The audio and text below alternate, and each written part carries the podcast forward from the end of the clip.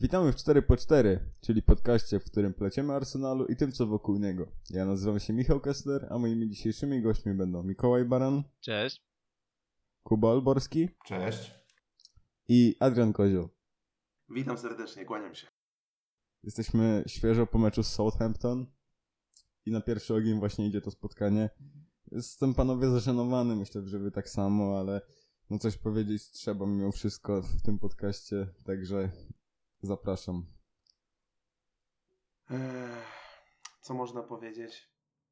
Chyba, no to co zwykle. Mm, dramat, ale myślę, że dramat to jest, e, no, tak jakby powiedzieć, że Stephen Hawking nie był zbyt żwawy w tańcu, czyli no, nic nie powiedzieć. To jest po prostu, no, nieporozumienie po raz kolejny. Tracimy punkty z jednym z głównych kandydatów do, do spadku. To jest dla mnie, to jest dla mnie po prostu masakra. Mnie to już zaczyna po prostu, yy, ja zaczynam się śmiać po prostu z tego, ale to jest taki śmiech przez łzy. I po raz kolejny mamy taki dzień świstaka, czyli budzimy się i znowu dzieje się to samo. Znowu jest to samo. Znowu jest y, masakra w środku pola. Znowu są błędy defensywy. Znowu jest nieskuteczność yy, u napastników, chociaż akurat yy, wczoraj Aleksander Lacazette yy, strzelił yy, dwie bramki, no ale znowu słaby mecz z kolei Pierre-Emerick'a yy, Aubameyanga. Yy, Genduzi, który chyba zapomniał jak, jak, jak gra się w piłkę, ten chłopak w ogóle nie przypomina nawet samego siebie, chociażby z początku bieżącej kampanii. No po prostu wygląda, wyglądało to bardzo źle w jego wykonaniu, ale nie tylko w jego, to nie tak, że ja tylko e, jadę po Genduzim. Po Genduzim jadę dlatego, że po prostu wymagam od tego chłopaka już więcej. E, no bo na kogo ja mam liczyć tutaj? No, czy ja mam liczyć na Lucasa Torreira, czy ja mam liczyć na e, nie wiem, na Sebajosa, który, za, który po prostu no, zawodzi od w zasadzie od, od początku sezonu miał tylko przebłyski. Czy ja mam liczyć na to, że nie wiem, że z kolei przed y, atakami rywali wyratuje nas Callum Chambers? No nie, więc wymagam od, od, od Mateo Genduziego, który na pewno jest, jest talentem i był y, takim, można powiedzieć, liderem e, naszym na początku tego sezonu, oczywiście obok, e, obok Pierre-Emerick Aubameyanga, a teraz y, no, niestety wpasował się w ten marazm, w tę w te szarość, w tę słabość naszą i, i wygląda po prostu z meczu na mecz coraz gorzej.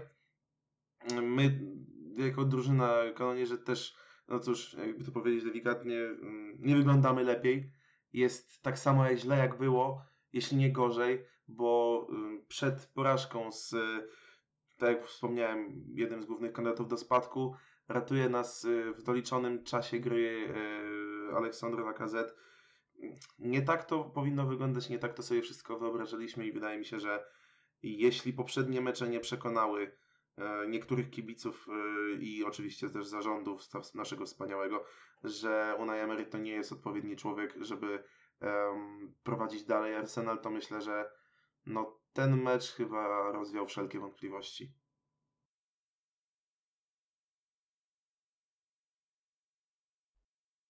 Generalnie można powiedzieć, że emocje już troszkę opadły, bo to nie jest jakąś wielką tajemnicą, że nie nagrywamy tego bezpośrednio po spotkaniu, tylko kilka ładnych godzin już minęło i ta największa irytacja już minęła. Teraz jest takie poczucie bezsilności, bo po raz kolejny widzimy, że chociaż oczywistym wydaje się, że nic już z tego projektu Emery'ego nie będzie, nadal nie widzimy żadnych efektów w postaci zwolnienia Hiszpana, czy, czy nawet jakichś pogłosek, które by to sugerowały. No, to, co do samego meczu, może stricte przejdźmy. Przed samym meczem byłem bardzo zadowolony z tego, co zobaczyłem, bo wydawało mi się, że ten skład, który puścił do boju Unai Emery był na papierze bardzo dobry, zbilansowany, fajnie, fajnie zbilansowany atak z defensywą.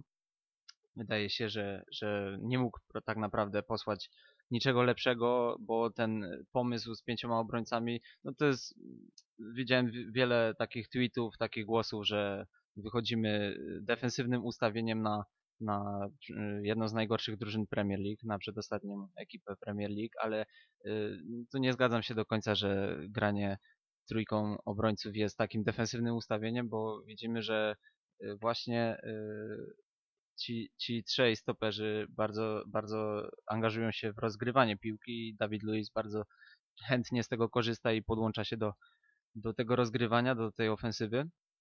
Także nie, nie zgodzę się, że to jest defensywne nastawienie. I dlatego nie można mieć pretensji do Unai Emery'ego e, pod względem e, tego, co robi w trakcie dnia meczowego. Zmiany także trafione. Wydaje mi się, że trafione w odpowiednim momencie. Coś jednak nie działa. E, Najbardziej irytowało mnie to podczas całego meczu, że każdy grał tak jakby w innej drużynie. Każdy grał dla siebie. Chciał się pokazać, nie wiem, zmienić coś driblingiem, e, podczas gdy reszta jego kolegów po prostu stała i się przyglądała. Często wyglądało to po prostu tak, że jeden biegał, szukał partnera, a wszyscy stali i, i patrzyli, no nie? E, Tak samo wyglądało to w pressingu. Jakieś zrywy były faktycznie pojedynczych zawodników, którzy nagle e, ambicją chcieli nadrobić e, te niekorzystne rezultaty i, i po prostu nikt za nimi nie poszedł. I, I kończyło się to po prostu łatwym objechaniem ich przez graczy Southampton. Co do zawodników personalnie, wydaje mi się, że no tutaj oczywiście jedyną postacią, którą możemy wyróżnić na plus jest Lacazette, który, który po raz kolejny udowodnił, jak świetnym zawodnikiem jest na małej przestrzeni. Wydaje mi się, że równie dobrą, jak nie większą karierę mó- mógłby zrobić w futsalu, bo to jak panuje nad piłką y, na małej przestrzeni to jest naprawdę rewelacyjne. Wydaje się, że proste dwa finisze, ale w sposób w jaki przyjmował piłkę, no mi, mi to po prostu nie, niebywale imponuje. Całkiem przyzwoicie za, zaprezentował się także Mesut Özil. Y, Do niego myślę, że nie można mieć jakichś większych pretensji, ale tak jak mówię, generalnie drużyna wypadła blado, bo y, nie, nie funkcjonowała jako kolektyw i to jest taki największy zarzut. Tak, ja kompletnie mm, w całej rozciągłości zgadzam się z Mikołajem, bo no, najlepsze mecze Arsenalu w tamtym sezonie, bo w tym sezonie niestety nie uświadczyliśmy takich meczów na naprawdę dobrym poziomie w wykonaniu kanonierów. E, to były takie mecze, kiedy Arsenal dobrze funkcjonował jako kolektyw. E, to był mecz na przykład przeciwko Chelsea na Emirates, to był mecz przeciwko e, Liverpoolowi również na Emirates, to był mecz przeciwko United, także na Emirates. Skrajne mecze były wtedy wygrane, z Liverpoolem zainicjowaliśmy 1-1 ale warte odnotowania jest to, że właśnie wtedy nasza drużyna grała dobrze jako kolektyw. E, przesuwaliśmy się za linią piłki, dobrze asekurowaliśmy nawzajem własne, e, własne pozycje i mądrze atakowaliśmy, e, nie odsłaniając się w, w ataku. Co jest teraz naszą największą bolączką, bo taki ikoniczny, no, może nie ikoniczny, ale znamienny bardzo obrazek zapadł mi w pamięć ze spotkań zarówno z Southampton, jak i z Leicester, że dotyczący dwóch akcji bramkowych, bo to była akcja właśnie na druga, drugi gol dla Leicester, właśnie po bramka Wardiego, nie, pierwszy gol dla Leicester, to była bramka Wardiego, e, kiedy Genduzi z Torreirą jakby byli za linią piłki, no niestety brakuje czegoś takiego w Arsenalu, co nazywamy defensywnym pomocnikiem. E, Torreira możemy sobie mówić, że to jest defensywny pomoc- pomocnik, jednak e, raz, że Unai Emery go tam nie widzi, e, a dwa, czy musimy sobie odpowiedzieć na pytanie, czy Torreira naprawdę jest e, odpowiedni gość do tej roboty, bo e, wczoraj go obserwowałem dosyć uważnie, no i niestety nie widzę tego. Gość e, ma problemy z orientacją na boisku, w którym momencie jest. E, I wczoraj powinno to wyglądać tak, że w ataku Arsenal gra e, 4-5-1 albo ewentualnie e, 4-4-2. Mm, Właśnie Torreira powinien być tym e, ubezpieczającym e, całą formację obrony zawodnikiem i, ataku, e, i atak. E, Natomiast to wyglądało tak, jakbyśmy mieli trzech ofensywnych e, pomocników, bo Torreira, Genduzi i Ezil grali praktycznie na tej samej pozycji. E, I później mieliśmy właśnie tak duży problem przy kontratakach, po którym padła bramka na 2-2, wyrówna- e, na 2-1 dla Southampton oczywiście.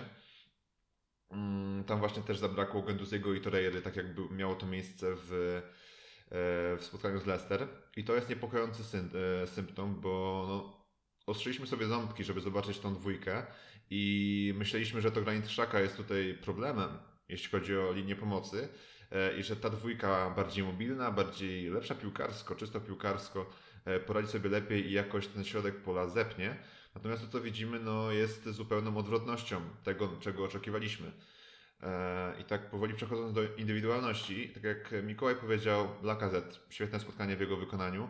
E, Pokazał dużo, dużo więcej niż jego partner z linii ataku, czyli Pierre-Emerick Aubameyang. E, I znowu, znowu rozko- dał nam e, powody, aby rozmyślać nad tym, kto tak naprawdę jest lepszy. Kogo powinniśmy zostawić, jeśli przyszłoby do wyboru między tymi dwoma panami. A do tego wyboru powinno dojść, o czym pewnie jeszcze powiemy w tym podcaście. Mesut Özil też momentami to było naprawdę imponujące spotkanie w jego wykonaniu, bo trochę przypominał swoją, o swojej magii, jaką potrafi nas oczarować e, z poprzednich sezonów. E, Jednak były to no, występy głównie indywidualne, bo niestety Özil no, nie miał wsparcia w kolegach, e, ja tak to widzę. E, I także ku mojemu zdziwieniu był to zawodnik, który na, zakładał największy pressing e, na drużynę Southampton, bo E, Taka mi też, taki też obrazek mi zapadł w pamięć, kiedy to właśnie Ezil e, dwa albo trzy razy nawet e, próbował naciskać na bramkarza, ale kiedy bramkarz zagrywał do boku, e, on bezradnie musiał e, machać rękoma, bo po prostu ani Aubameyang, ani Lacazette, ani żaden z pomocników e, nie przyszedł mu z pomocą i robił to samodzielnie, co jak wiemy no, nie ma jakiegokolwiek e, sensu e, w przypadku grania, grania pressingiem. Dokładnie, dokładnie, dokładnie tak. E, I trzecią postacią, którą chciałbym wyróżnić, to, to jest Kieran Tierney. Kieran Tierney, to do którego się pewnie część może nie zgodzić, e, mając na względzie ten, e, ten rzut karny. Moim zdaniem ten rzut karny był, był oczywiście nierozważnym zachowaniem Tierneya w własnym polu karnym, ale był też karnym dosyć, dosyć miękkim, jak dla mnie, e, gdzie no, moim zdaniem nie powinno być karnego, ale był i to oczywiście kamyczek do ogródka Tilneya. Natomiast przez cały przekrój spotkania, mm, abstrahując od tego, od tego błędu, mm, mogę z pewnością powiedzieć, że to naprawdę jest y, spory, e, spore usprawnienie względem chociażby właśnie e, Serada Kolasinaca, czy też, czy nawet Nacho Monreala mi się wydaje, e, bo Tierney raz, że jest dużo lepiej przygotowany motorycznie od e, Nacho Monreala do spotkań, e, nie ustępuje mu w defensywie, mam wrażenie, na pewno nie w tym spotkaniu. E, a także jego wrzutki przewyższają i jego wejścia ofensywne są dużo bardziej korzystne dla zespołu niż e, ma to miejsce w przypadku Seada Kolasinaca, bo na przykład no, po jego właśnie wrzutce padła bramka na e, 1-1, wyrównująca dla Arsenalu. E, Tam dogranie do Aubameyanga i jeszcze odbicie od obrońcy, dopiero później piłka trafiła do Lacazeta. E, I no, bardzo mi się podobała gra Tierney'a w tym spotkaniu, no oczywiście poza, poza tym błędem. I to jakby jedyny, jedyny problem, jaki, jaki bym wskazał. I tak jak Adrian, e, Genduzi. Genduzi to jest postać, od której wymagam też już teraz dużo więcej po tym świetnym początku sezonu. E, wtedy go chwaliłem. Teraz niestety muszę go zganić, bo no nie gra na swoim poziomie i nie gra na poziomie, na którym powinniśmy od niego oczekiwać, żeby to robił. E, bo niestety nie ma już tych e, wejść między linie korzystnych, tych odważnych piłek, e, tych nieszablonowych, nieszablonowych rozegrań piłki. Tego już po prostu nie ma od, od kilku spotkań i, i trzeba się zastanowić poważnie nad tym, dlaczego tak właściwie jest. Zanim przejdziemy do kolejnego tematu, jeszcze chciałbym wysnuć taki jeden wniosek, bo odnoszę ostatnio wrażenie, że nieważne kto zagra, nieważne jaka ta jedenastka wyjdzie, to wszystko wygląda cały czas tak samo. I tutaj można się zastanowić, czy przypadkiem y, nie jest to problem właśnie całej drużyny, bo krytykujemy indywidualnych zawodników, ale wydaje się, że, że po prostu y, wyglądamy fatalnie jako, jako zespół, jako całość. Y, co, czego dobitnym dowodem jest to, że popatrzymy sobie na statystyki i widzimy, że Southampton oddało wczoraj 21 strzałów na naszą bramkę. To jest coś strasznego. Leicester w poprzednim spotkaniu oddało 19 takich strzałów. Wolverhampton oddało 25 takich strzałów. To za to nie można ganić jednego człowieka. To jest po prostu wina y, całej drużyny, tego jak się ustawiamy, jak się przesuwamy. A jeśli jeszcze mogę to na chwilę, y, to jak już jesteśmy przy tych personaliach, to jeszcze chciałbym pochwalić Gabriela Martinellego, który wszedł z ławki, zaliczył asystę przy drugim golu Lacazeta i w sumie żałuję y, bardzo i szkoda, że, że nie wszedł wcześniej, bo no, pokazał się z bardzo dobrej strony. Tak, tak. Gabi, Gabi, Gabi zaimponował, no tym wejściem zwłaszcza, no bo to jakby no ostatnie, ostatnie minuty spotkania i, i dał radę jeszcze coś, coś siebie wykrzesać. e, zrobił więcej niż Nicolas Pepe przez 45 minut. E, no, zrobił więcej. E, I jeszcze tak powiedzieć, powiedzieć słowo o tym, co Mikołaj, e, co Mikołaj nadmienił. Tak, moim zdaniem, ja bym się tu już po, po, po, po, pokusił o poważniejszą e, tezę, że tutaj zawodnicy grają już trochę na zwolnieniu na Emerego. Mi się wydaje, że szatni przestał odpowiadać ten trener i no niestety nie jestem w stanie sobie wyobrazić żadnego przypadku, w którym jakikolwiek z tych zawodników potrafi grać aż tak słabo. Naprawdę pierwsza bramka to jest no nie wiem, nie wiem absolutnie co tam się wydarzyło, bo no, zawodnicy biegli jakby nie chcieli, a musieli pokazać, że niby biegną. No tak mi się wydaje przynajmniej. Pierwszy gol to jest sabotaż, ewidentnie. To jest, no dokładnie, to jest jakby no, sabotowanie własnej drużyny. No, jak zobaczyłem na to, jak, w jakim tempie poruszał się ku własnej bramce, ku danemu Inksowi, chociażby Lucas Torreira albo David Luiz, no to złapałem się za głowę. Albo Hector Bellerin, który więcej czasu spędził na machaniu łapami e, niż, niż w faktycznym biegu. No niestety no, to boli, to boli i pokazuje, że, no, jeśli, że zawodnicy sami chyba chcą tego zwolnienia, e, zwolnienia Unai e, bo no, nie jestem sobie w stanie wyobrazić, żeby grali aż tak słabo i już pierwsze takie symptomy tego, że coś takiego następuje, e, widziałem w spotkaniu z Vitorią Setubal. E, nie, nie Setubal, przepraszam, tylko Guimaraes, e, gdzie no, też no, jakby zagrali zawodnicy dobrze jakościowo, naprawdę dobrze jakościowo, ale ponownie nie widziałem kompletnie ani krzty zaangażowania w grze i nie mogłem uwierzyć, że to są zawodnicy, którzy nie grają na zwolnienie e, swojego trenera. Okej. Okay. Po tej małej dygresji od Mikołaja myślę, że na spokojnie możemy przejść do następnego tematu, który zaproponowaliście nam swoją drogą na naszym fanpage'u na Facebooku, którego polecamy śledzić też, bo kierujemy przede wszystkim też pytania do Was na nim. I jedno z nich no, właśnie, właśnie teraz zamierzamy wdrożyć. Pytanie dotyczy tego, kogo widzielibyśmy w miejscu na Emerego z dwójki Freddy Lundbeck i Mikel Arteta.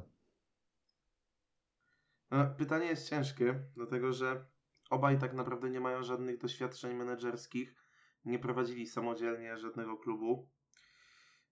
No i cóż, no o Artecie możemy tylko powiedzieć, że jest asystentem Pepa Guardioli, więc na pewno coś tam jakieś pojęcie ma, ale z kolei teraz Fredrik Ljungberg jest w sztabie mm, u, u Emery'ego, więc y, no ale mimo wszystko chyba, chyba lepszym y, trenerem jest Pep Guardiola, więc chyba lepiej być, lepszy poniekąd jest ten, kto jest, który jest w sztabie u Guardioli niż niż ten który jest w sztabie u, u, u Emery'ego, także yy, tak yy, troszeczkę w ciemno, ale jak dla mnie 1-0 dla Artety.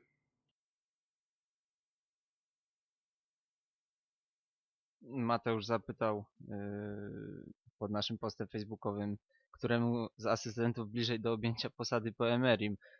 Można powiedzieć, że z takiego yy, logicznego punktu widzenia bliżej jest Lindbergowi, który nie dość, że yy, pracuje w tym klubie cały czas teraz i, i nie dość, że zna szatnie bardzo dobrze, to, to wie jak zawodnicy reagują, jak zawodnicy trenują i tak dalej. Natomiast generalnie wydaje mi się, że tutaj trzeba przede wszystkim zwrócić uwagę na styl, styl gry, styl prowadzenia drużyny, który by preferował jeden i drugi. Wydaje mi się, że, że bardziej do tego DNA Arsenalu obecnego pasowałby Mikel Arteta mimo wszystko, który, który właśnie pozwoliłby powrócić nam do Wengerbola, którego tak dobrze E, wspominamy, pozwoliłby nam e, też powrócić do tego, co teraz prezentuje Manchester City Pepa Guardioli, czyli gra podaniami po ziemi, duża wymienność pozycji i tak dalej, i tak dalej. Także też generalnie jestem za tym, że, że Mikel Arteta wydaje się być rozsądniejszą opcją, aczkolwiek tak jak Adrian wspominał, jest to trochę po omacku, trochę taki wybór w ciemno. Ja najpierw odniosę się może do kwestii możliwości obydwu panów e, na objęcie tej posady, bo jakby musimy zwrócić też uwagę na to, że Arteta jest w połowie sezonu razem z City i jest asystentem Guardioli, który ma coś do powiedzenia w drużynie i jest znaczącym e, jej, e, jej elementem. Więc no, po pierwsze wątpię, że on by chciał odejść i opuścić City w walce o tytuł. chociaż no nie wiadomo, jak to by zadziałała ta posada, posada w Arsenalu.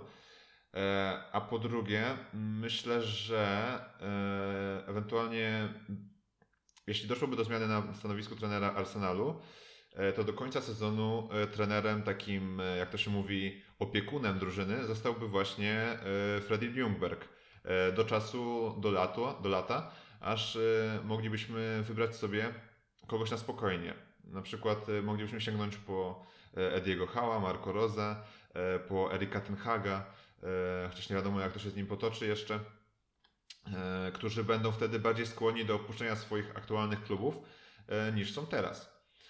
E, Pod tym względem właśnie Freddy mógł być lepszym, lepszym wyborem, e, lepszym wyborem. E, Natomiast jeśli miałaby nastąpić zmiana już teraz na nowego trenera, to faktycznie chyba wybrałbym Artetę przez wzgląd na to, jak Mikołaj powiedział, przez to, że zbiera teraz aktualnie szlify u Pepa Guardioli i ma od niego, przejął od niego sporą wiedzę, jak mi się wydaje, przez dwa sezony.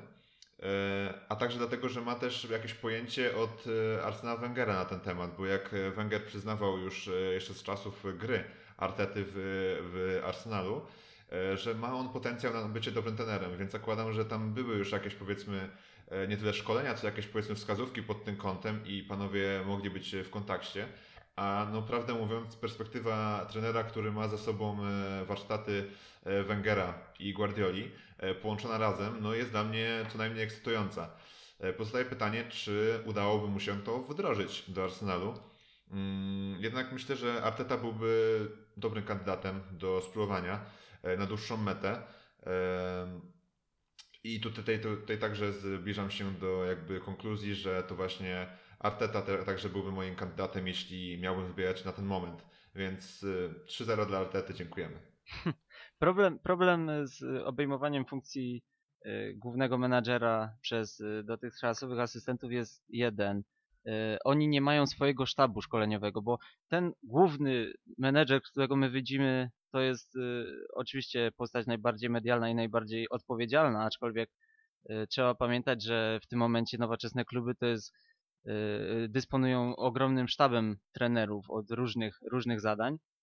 No i tacy, tacy trenerzy, którzy doty, dotychczas byli tylko asystentami, no nie mają takich swoich ludzi sprawdzonych i, i to jest, to jest takie, taka jedna zagwozdka, jeden, jeden taki spory pytajnik podczas zatrudniania takich, takich e, ludzi.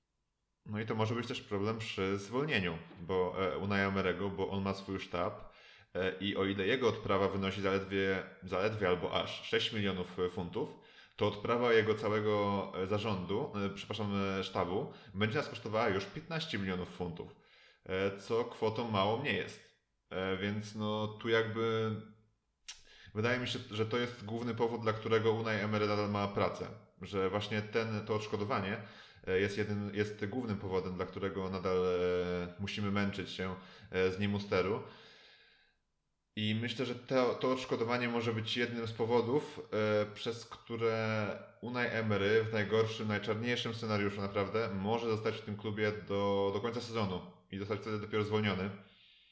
E, bo no niestety, tak jak powiedział Mikołaj, jeśli miałby przejąć jego rolę Freddy Ljungberg, to musiałby skompletować zupełnie nowy sztab e, od nowa. Bo zakładam, że z Unajem Emerym odeszliby wszyscy, wszyscy z jego sztabu. E, chyba, że tak by się nie stało i zostaliby do końca sezonu, wtedy, wtedy spoko, ale jakby e, jeśli, jeśli by odeszli razem z nim, no to byłby kłopot i, i myślę, że dlatego mm, to jest jeden z czynników, dla których e, to wszystko tak długo trwa. Dobra, przejdźmy teraz do następnego tematu, do takiego zderzenia oczekiwań z rzeczywistością odnośnie dwóch zawodników y, grających na bokach obrony w naszym klubie, a mianowicie Kiranie Tyrneju i Hektorze Bejerinie. Ostatnio panowie troszeczkę zawodzą. Chciałbym was spytać, y, no, czy tego się spodziewaliście po prostu? E, Powiem tak, oczywiście, że się tego nie spodziewaliśmy. Spodziewaliśmy się czegoś zupełnie innego, dania nowej jakości, E, ale to nie były jakby mm, oczekiwania wzięte znikąd, bo Hector Bellerin był jednym z niewielu zawodników, e, którzy zyskali po przyjściu na Emery'ego, przecież pamiętamy, że Bellerin przed kontuzją e, tą poważną grał naprawdę świetnie i no teraz tak naprawdę nie wiemy na ile em, na ile to, co w tym momencie e, Hector prezentuje swoją grą jest spowodowane tym właśnie jeszcze tym chwilowym brakiem formy po, po kontuzji, bo nie doszedł jeszcze do pełnej jakby sprawności fizycznej, a na ile jest to właśnie wpasowanie się, dopasowanie do reszty drużyny, jeśli chodzi o, jeśli chodzi o formę i, i, i postawę boiskową. No a co do Kirana Tierney'a, no też oczekiwania były, no bo grał w Celticu świetnie. E, tutaj na razie no, to nie jest to, czego, czego oczekiwaliśmy, ale i tak jest lepiej niż było chociażby z Adem Kolaszinacem czy, czy, czy z Nacho Monrealem. Tutaj na tej płaszczyźnie z y, Kubą się zgodzę na pewno, bo jest lepiej niż było, ale to jest właśnie ten taki paradoks, y, że lepiej nie znaczy dobrze, choć jest to e, stopień wyższy tego przymiotnika. No i ja mam tutaj takie, skoro już jesteśmy przy oczekiwaniach, e, oczekiwania versus rzeczywistość, to mam takie, że oczekiwania e, po Bejrinie i Tirneju to były oczekiwania e, Dani Alves i Jordi Alba, a rzeczywistość to Javi Mankio i Arcadio Żreca. Także no, na ten moment y, może jest to przesadzone oczywiście w celach humorystycznych, tak zwana dozwolona przesada, ale, ale no zdecydowanie bliżej y, do tej dwójki y, naszym, naszym bocznym obrońcą niż do tej pierwszej. Nad czym ubolewam, bo spodziewałem się więcej. Mm, Może troszkę naiwnie myślałem, że ich powrót będzie lekiem na całe zło. Okazało się, że no, ten lek nie działa, przynajmniej póki co. Cóż, czekamy na to, co będzie dalej. Liczę, że obaj się poprawią, bo wiem, na co ich stać i może dlatego właśnie jest w tym momencie, w tym momencie taki zawód, bo, bo, bo, bo po prostu yy, oczekujemy po nich dużo, bo stać ich na dużo. No ale jak na razie żaden z nich nie spełnił e, w pełni, że tak powiem, e, pokładanych w nim e, oczekiwań i, no i to po prostu no przykro, ale miejmy nadzieję, że z tego, że z tej mąki jeszcze będzie chleb, bo tutaj widzę jakieś chociaż pole do poprawy i że jest jakaś szansa e, na poprawę, bo na środek pola e, powoli przestaje już liczyć.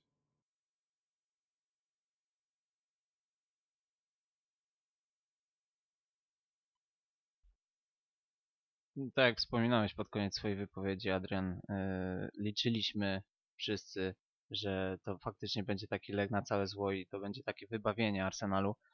Yy, Natomiast yy, warto, warto się czasami zastanowić, czy nie popadamy ze skrajności w skrajność, bo faktycznie nie prezentują się najlepiej, ale czy, czy to my przypadkiem nie nałożyliśmy sami sobie takiej projekcji ich y, po prostu rewelacyjnych, y, zawsze w wybitnej formie, zawsze prezentujących się fantastycznie i noszących y, te drużyny na, na swoich plecach. No to chyba po prostu nie są aż, ta, y, aż tak kluczowi zawodnicy, żeby, żeby odmienili całą grę Arsenalu. Fakt, fakt faktem, że, że ich indywidualne umiejętności prawdopodobnie są znacznie wyższe niż zawodników, których zastąpili, zwłaszcza, zwłaszcza Be- Bellerin jest ogromnym wzmocnieniem na prawej flance w porównaniu do, do chociażby Ainsley'a Maitland-a Nilesa czy, czy Caluma Chambersa, zwłaszcza w grze ofensywnej, ale, ale tak, jak, tak jak wspominałem wcześniej, wydaje mi się, że po prostu troszkę, troszkę za dużo oczekiwaliśmy po tym,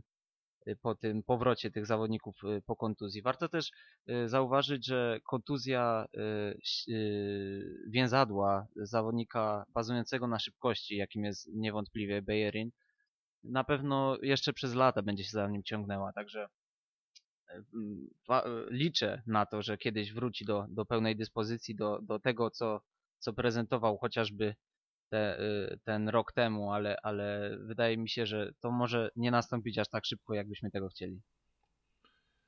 No właśnie, tutaj tak jak Mikołaj powiedział, popadamy ze skrajności w skrajność, bo no trochę jednak przez tą absencję e, Hektora e, myślę, że wyidealizowaliśmy jego, jego portret trochę. Mm, Musimy pamiętać, że to jednak e, była kontuzja, która męczyła go od stycznia tego roku, od początku stycznia tego roku. E, To jest, wrócił na boisko w listopadzie, więc e, w Premier League oczywiście. E, Więc e, od ostatniego meczu Premier League minęło 10 miesięcy. No to jest ogromny, to jest ogrom czasu naprawdę. E, I no, zawodnik, zawodnik dojdzie do tej swojej dyspozycji, no to trochę musi siłą rzeczy minąć. Niestety nie możemy oczekiwać od Bellerina, że e, po kontuzji więzadeł on e, wejdzie w pierwszy mecz Premier League i nagle będzie przypominał tego gościa, który zakończył spotkanie z Chelsea. Niestety to jest niemożliwe z piłkarskiego punktu widzenia i to samo tyczy się Roba Holdinga. A w przypadku Kirana Tierney'a, ja prawdę mówiąc nie jestem zawiedziony póki co. E, To jest dla niego nowa liga, e, nowy poziom e, i wejście, wejście o, o krok wyżej, o, o krok wyżej na, na, na tym, po tych schodkach właśnie. I moim zdaniem nie spisuje się najgorzej. Jest dużym usprawnieniem względem Seada Koleśniaca i, i, i Nacho Monreala. Faktycznie, tak jak Adrian powiedział, nie jest to ten poziom, którego może byśmy jeszcze oczekiwali, bo przydarzają mu się błędy w samej obronie, takie pojedyncze, jak i ten najgorszy póki co jego błąd e, ze spotkania właśnie z Southampton, e, rzut karny. Mm, Chociaż tak jak mówiłem wcześniej, no to dla mnie taka sytuacja mocno, mocno wątpliwa, która, którą można, można na nią dyskutować. E, Natomiast no, Kieran Tierney ma bardzo wysoki sufit i to trzeba sobie powiedzieć, bo to ten zawodnik może stać się jeden lep- z najlepszych zawodników na swojej pozycji w Premier League. Tylko no ponownie potrzeba czasu. Potrzeba czasu i potrzeba odpowiedniego człowieka, który mu powie, co musi zrobić, żeby wejść na ten wyższy poziom. I prawdę mówiąc, wątpię, aby Unai był takim człowiekiem, niestety. E, Natomiast pod batutą kogoś innego jak najbardziej to się może wydarzyć. I liczę na to, bo naprawdę, naprawdę e, lubię tego gościa. E, I widać już teraz, że ma on naprawdę potencjał na bycie długoletnim członkiem tego, e, tego projektu, jaki, jaki jest obecnie tworzony w Arsenalu. Na finiszu naszego podcastu chcę przejść, właściwie chcę, żebyście wy porozmawiali o tym, o przyszłości Aleksandra Lacazette i Piera Emerika Aubameyanga w naszym klubie. Cóż, przyszłość na pewno jakaś tam przed nimi jest, tylko trzeba pamiętać w jakim momencie, w tym momencie, w jakim momencie, w tym momencie, że tak powiem, e, pięknie i poetycko, znajduje się Arsenal Football Club, czyli znajdujemy się w czarnej dziurze, jak to mówił pan Andrzej Twarowski na finiszu sezonu 11-12 w Premier League. E, I, i nie wygląda. A z kolei, jak mawiał, jak mawiał Stefan Kisielewski, problemem nie jest to, że znaleźliśmy się w dupie, tylko problemem jest to, że zaczęliśmy się w niej urządzać. I, i to troszeczkę niepokoi i nie wiem, czy em, czy Pierre-Emerick Aubameyang i Aleksandr Lacazette będą chcieli się tam urządzać razem z resztą ekipy, czy, czy będzie możliwość ich zatrzymania, jeśli nie uda się awansować do Ligi Mistrzów, a wiemy, że będzie o to cholernie ciężko, bo yy, przez miejsce w Premier League yy, mam wrażenie, że już nam to uciekło, a w Lidze Europy ucieknie nam pewnie z czasem, bo spadną z Champions League ekipy, które są od Arsenalu mocniejsze, yy, chociaż no oczywiście nie muszą się w 100% spinać na, na tę Ligę Europy e, i to, że na papierze będą mocniejsze nie oznacza, że Arsenal pokonają, ale mm, chcę tylko powiedzieć, że no, nie będziemy faworytem do zwycięstwa w Lidze Europy i nie jesteśmy tym faworytem.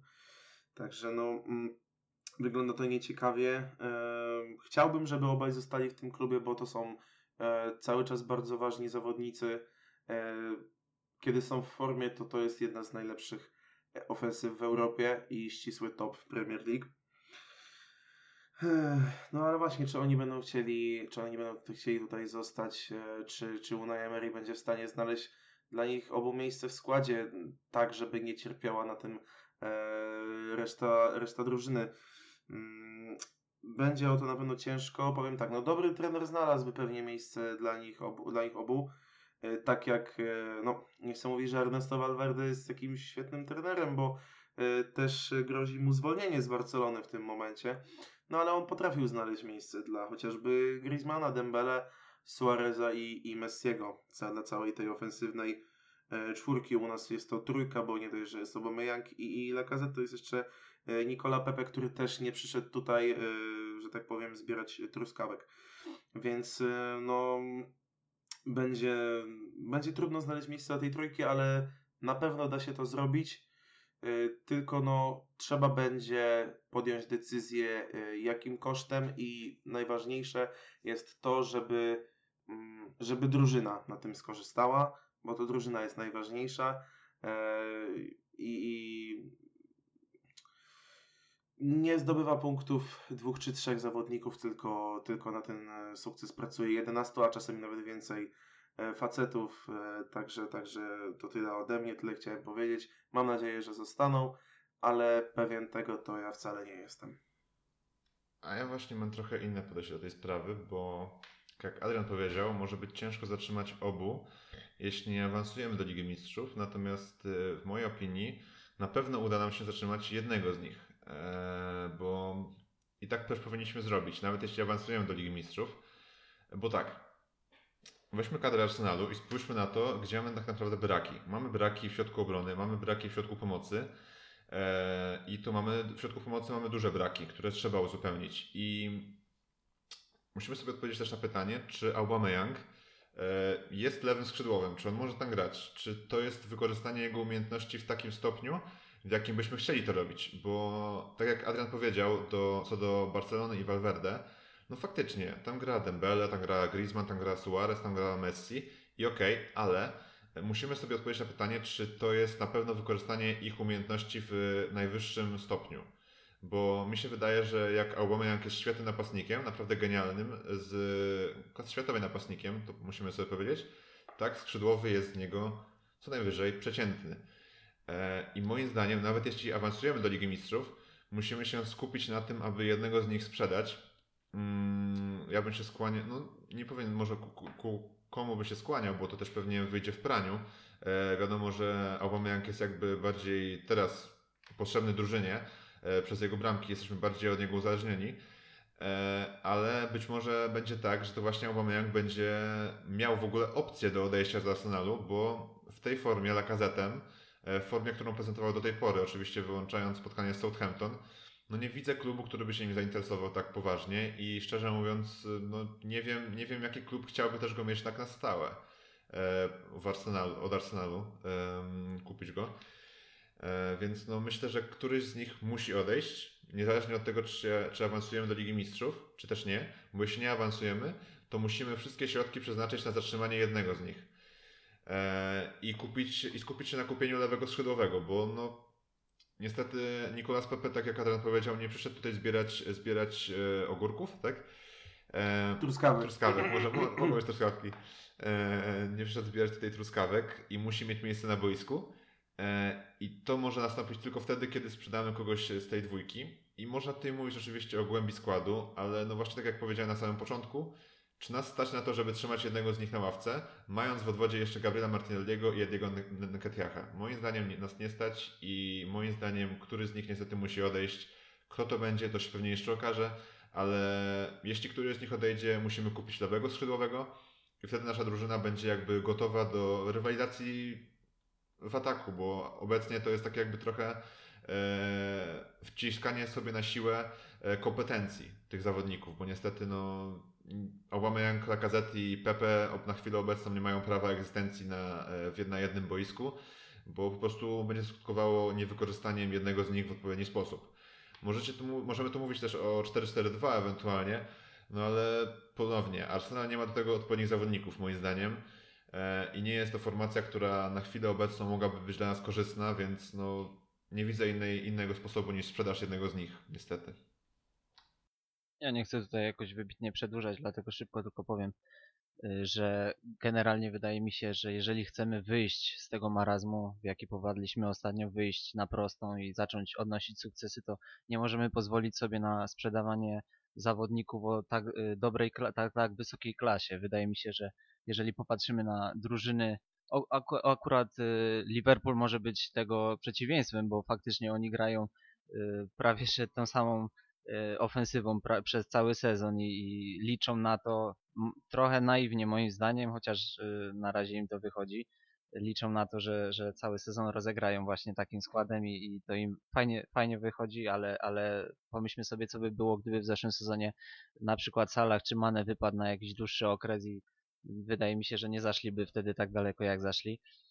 Y, Natomiast wracając do samego Arsenalu, popatrzmy na inne drużyny, które y, liczą się na świecie, liczą się w Europie. Y, Choćby Manchester City, który ma na ławce takich zawodników, których my chcielibyśmy mieć w pierwszym składzie. Wydaje mi się, że to jest klucz do sukcesu. Generalnie nie powinniśmy, nie powinniśmy w ogóle rozważać czegoś takiego jak sprzedaż jednego z dwóch najlepszych y, naszych zawodników. Wracając do stricte Arsenalu i tego, czy oni mogliby grać na, y, na, by przebywać na boisku jednocześnie. Bardzo mi się podoba ten ostatni pomysł Unai Emery'ego z grą y, właśnie Lacazeta i Aubameyanga jako dwójki napastników i Mesuta Ezila za nimi. I wydaje mi się, że jeżeli Pepe ma z kimś rywalizować o miejsce w składzie, to nie jest to ani Lacazette, ani Aubameyang, a właśnie Mesut Özil i generalnie y, właśnie takiego takiego y, rozwiązania y, bym oczekiwał, że ta dwójka gwarantowałaby nam gole, jeżeli mieliby za sobą kogoś kreatywnego. Wydaje mi się, że Pepe mógłby aspirować do takiej roli, a też y, miejmy na uwadze to, że Aubameyang oraz Mesut Özil też już nie są najmłodsi i akurat Pepe, Pepe jest bardzo młodym zawodnikiem. Wydaje się, że, że jeszcze jego czas nadejdzie, a teraz powinniśmy korzystać z zawodników y, o światowej klasie, których, których mamy w swojej drużynie i nie rozumiem y, po co moglibyśmy ich w ogóle, w ogóle y, sprzedawać. sprzedać po to, żeby pójść trochę naprzód, mi się wydaje, bo niestety no ciężko będzie ich zmieścić w formacji preferowanej chyba przez Arsenal, którą będzie 4-3-3. E, No niestety to się, no, tak jak powiedziałem, to się, to się będzie wiązało z tym, żeby, żeby któregoś z nich po prostu ograniczyć jego, jego umiejętności. E, I no, ja rozumiem, no rozumiem też jak mówisz, że o tym, że City ma takich zawodników na ławce, jak my mamy w pierwszym składzie. Chcielibyśmy mieć w pierwszym składzie, no niestety my nie jesteśmy Manchesterem City i nie stać nas na takie wzmocnienia. Na to, żeby ich trzymać na tej ławce, e, takich zawodników. No niestety, moim zdaniem tak to trzeba rozwiązać i zastąpić faktycznie tego, tego odchodzącego zawodnika kimś innym, lewym, lewym skrzydłowym, e, który faktycznie na tym lewym skrzydle będzie mógł pokazywać pełnię swoich umiejętności, a nie ograniczać się trochę, trochę jak to robi Aubameyang.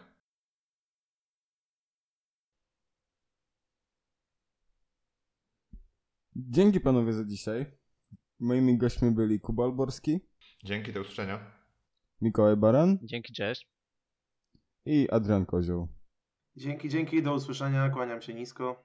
Ja nazywam się Michał Kester, to było 4 po 4. Dzięki i do usłyszenia za tydzień. Cześć.